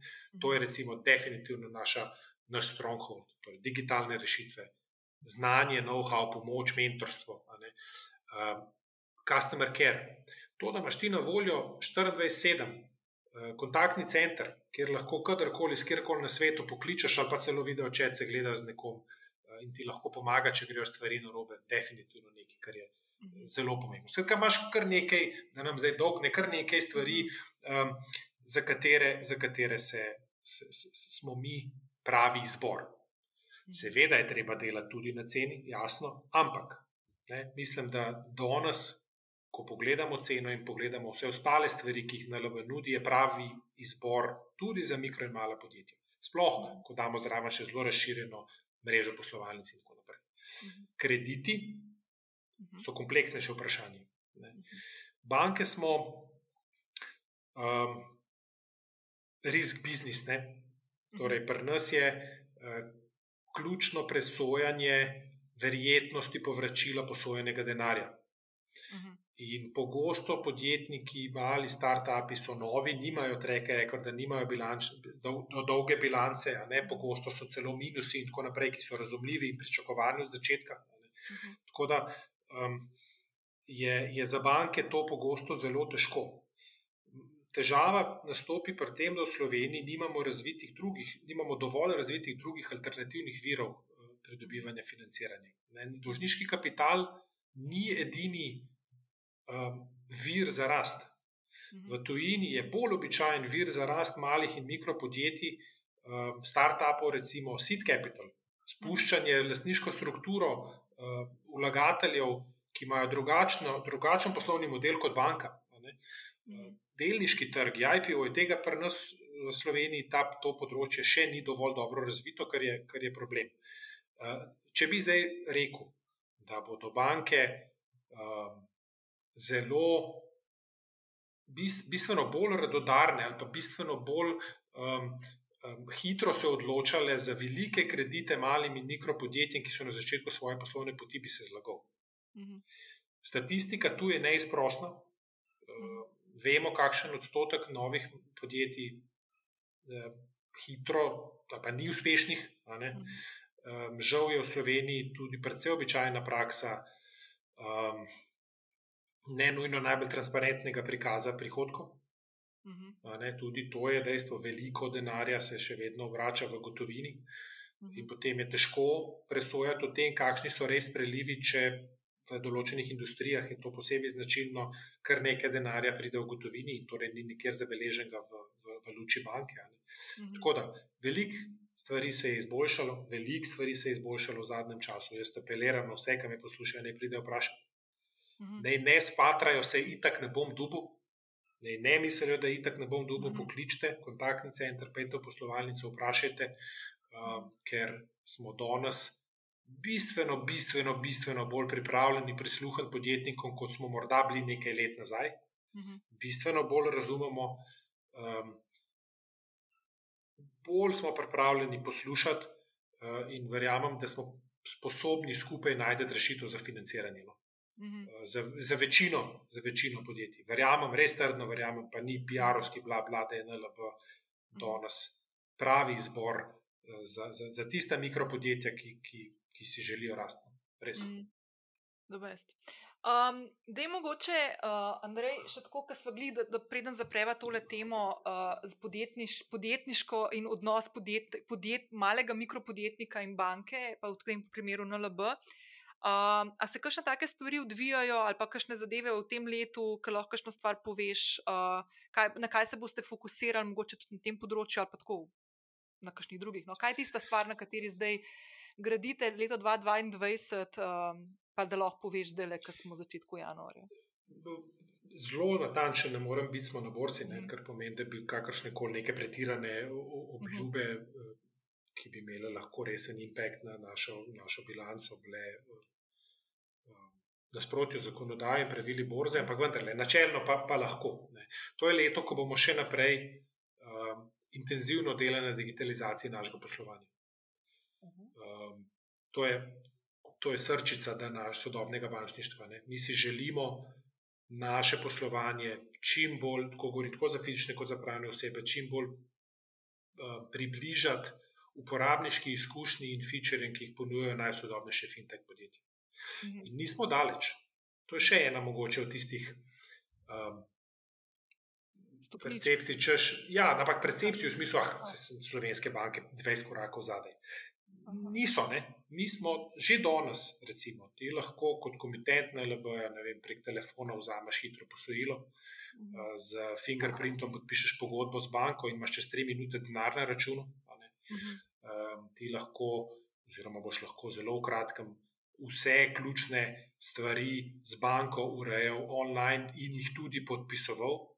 Mi imamo 24-7 video kontaktni center, kar pomeni, da se lahko v kateri koli uri, kjerkoli na svetu pogovarja s svojim bančnikom in si identificirana stranka in urejaš praktično katerkoli posel, razen ne stanovanskega hipotekarnega posla. Mhm. Um, skratka, mi smo že danes zelo napredni moramo pa biti še bolj.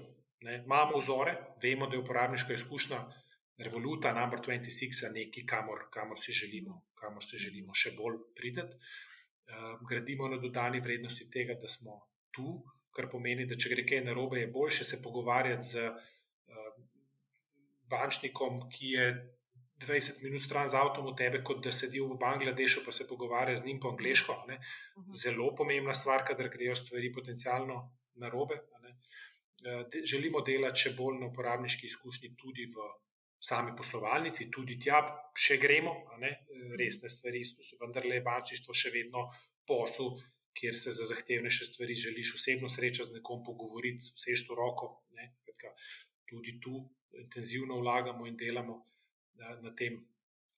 Tako da to so, recimo, da neke take, take stvari več bomo delali na, tudi na mikrosegmentu. Ehm, tu se pripravlja nova strategija, ki bo, eh, ki bo ponudila določene produktne novosti ehm, in tudi, eh, tudi ehm, v smislu cene bomo verjetno, verjetno se, se lahko še kaj, bolj, še kaj bolj približali, ali pa v vrednosti za denar, recimo. No, to, je, to je nek tak razmislek. Um, tako da je leto overall pred nami v tem produktno-ponudbenem smislu uh, leto nadaljnega razvoja v korporativnem smislu pa iskreno upam, da bo to leto, ko se bo kaj premaknilo, še glede um, morebitnih vstopov na kakšne nove trge. Aha, Mi si želimo um, še naprej rast, tako v organskem, kot anorganskem smislu, torej tako s pridobivanjem novih komitentov v vseh trgih, kjer delamo, kot tudi za morebitnimi prevzemi.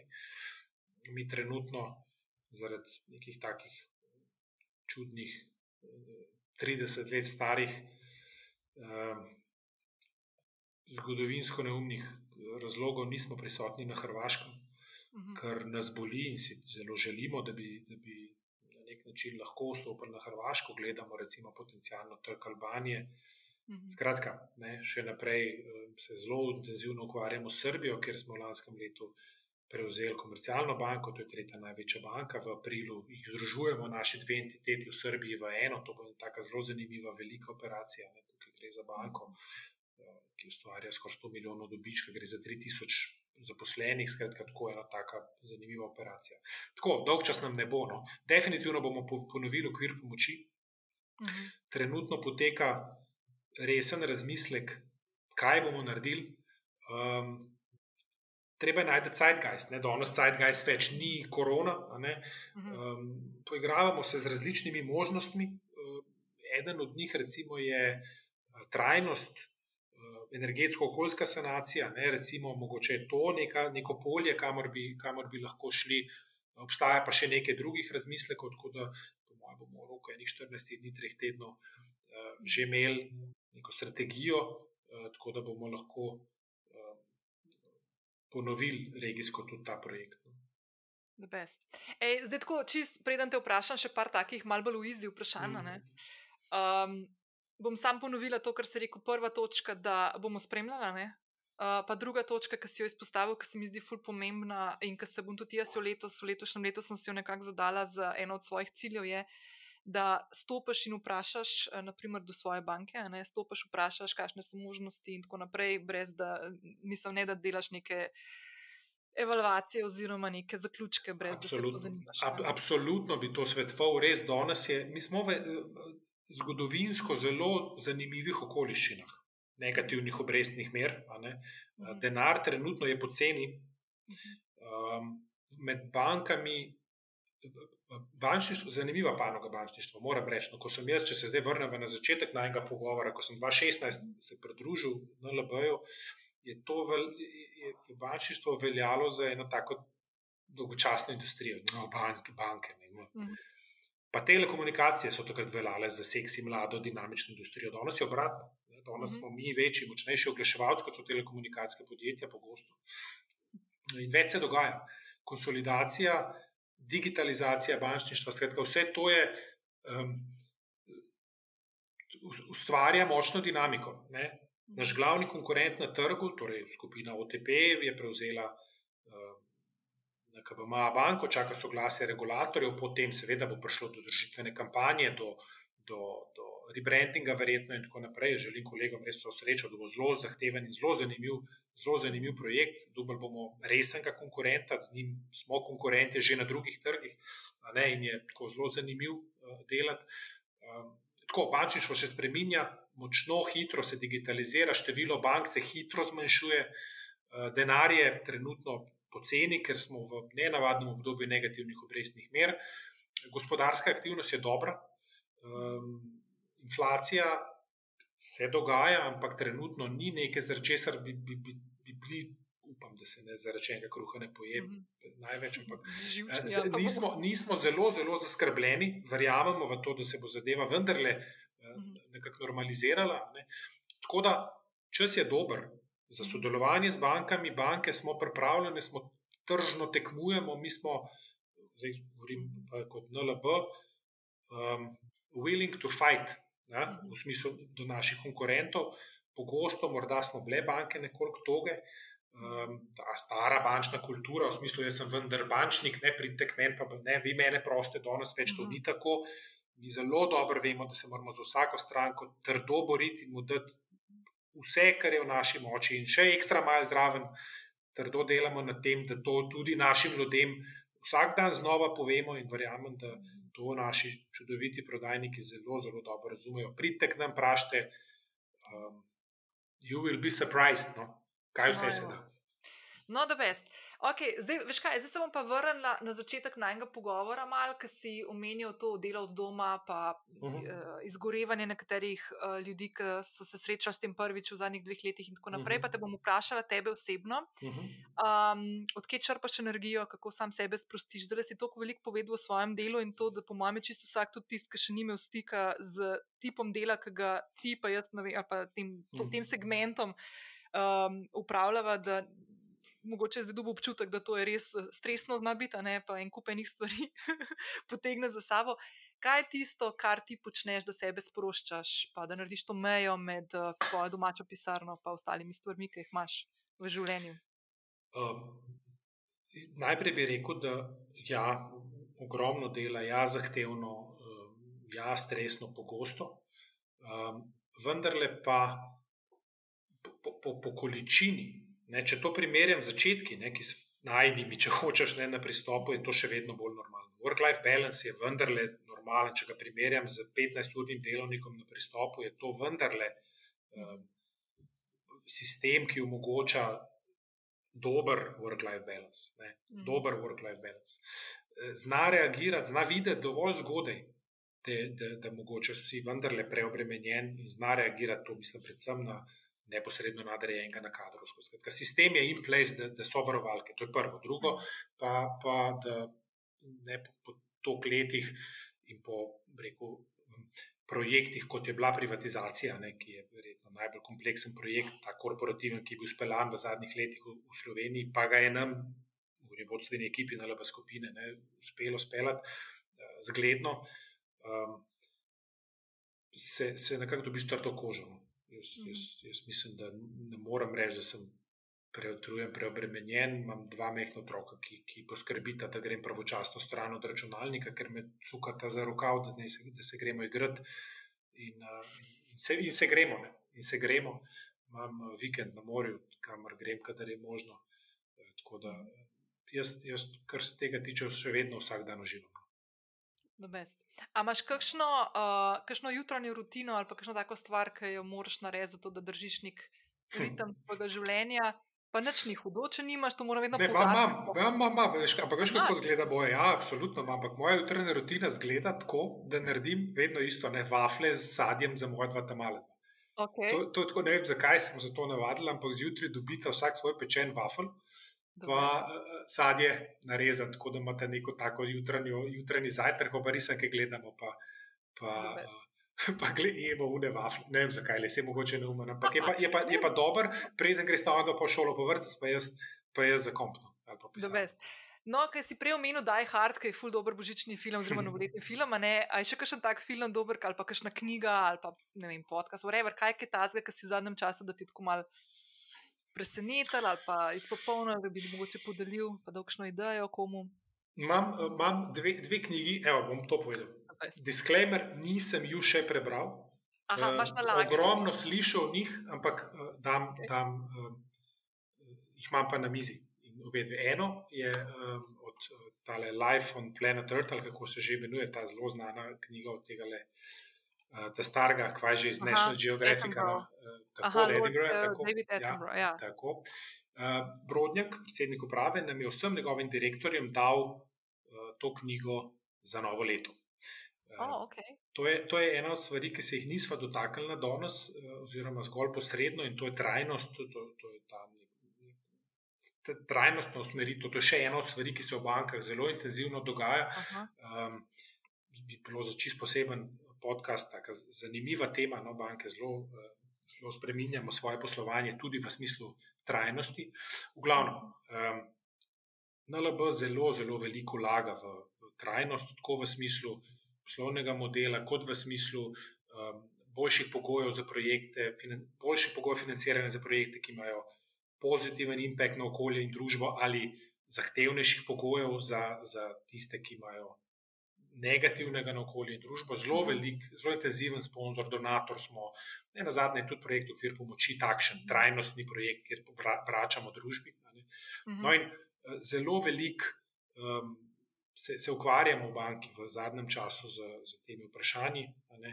In se mi zdi, da je to, to področje trajnosti, to področje, kakšen svet puščamo za namcem, kot se to sliši na nek način, greenwashing pa ni ne, pomembno. To je nekaj, kar se zelo veselimo v tej knjigi videti, ne, kakšno je stanje, v katerem smo in, in kam gremo.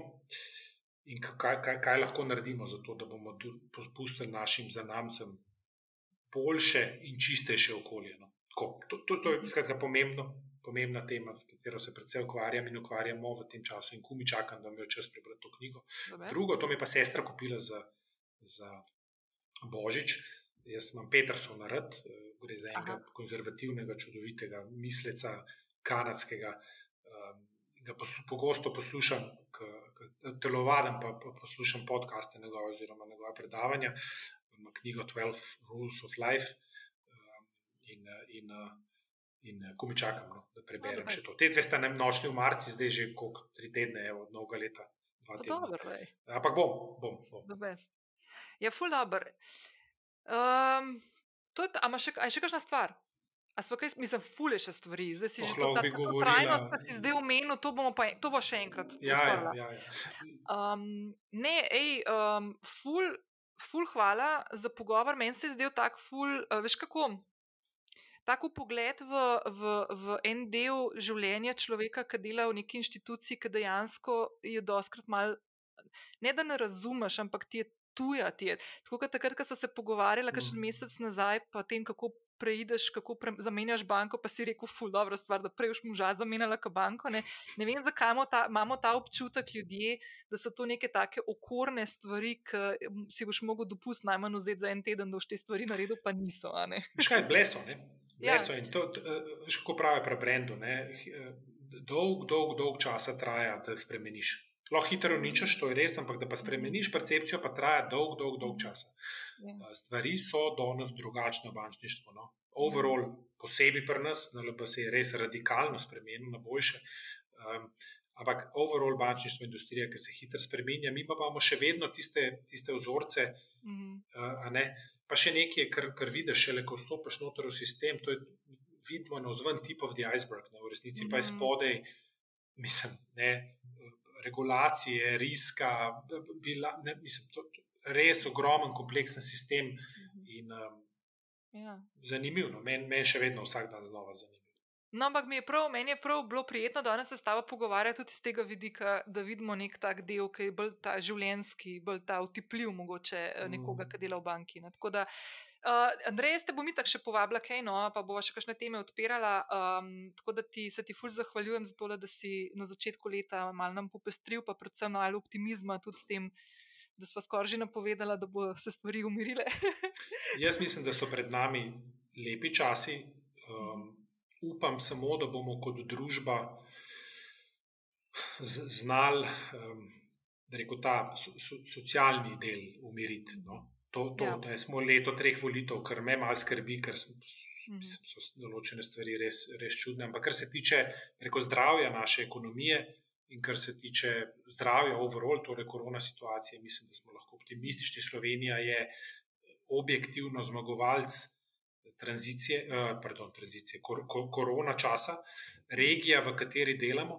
Eh, pogosto pozabljamo na to. Ne. Eh, smo sred radikalne spremembe globalnega poslovnega modela. Ne. Torej, vračajo se proizvodne linije, se vračajo nazaj iz rekel, azijskega bazena v Evropo. Uh mhm. -huh. Ja. In regija jugovzhodnega, jugovzhodne Evrope ali pa Balkana je logičen izbor. Mhm. Logičen izbor. Zaradi tega, ker imamo visoko izobraženo delovno silo, zaradi tega, ker smo blizu, mhm. ne, blizu in zaradi tega, ker, zaradi tega, ker je know-how tu, jaz mislim, da je treba to izkoristiti. Jaz mislim, da, da, da, da so pred nami, če bomo znali biti družbeno pametni, no, so pred nami res lepi časi. Ja, super. Hvala, Hvala lepa. Hvala, Hvala za čas. Absolutno, z veseljem pa svoj tak na vezi. Srečno sem. Hvala. Čau, čau.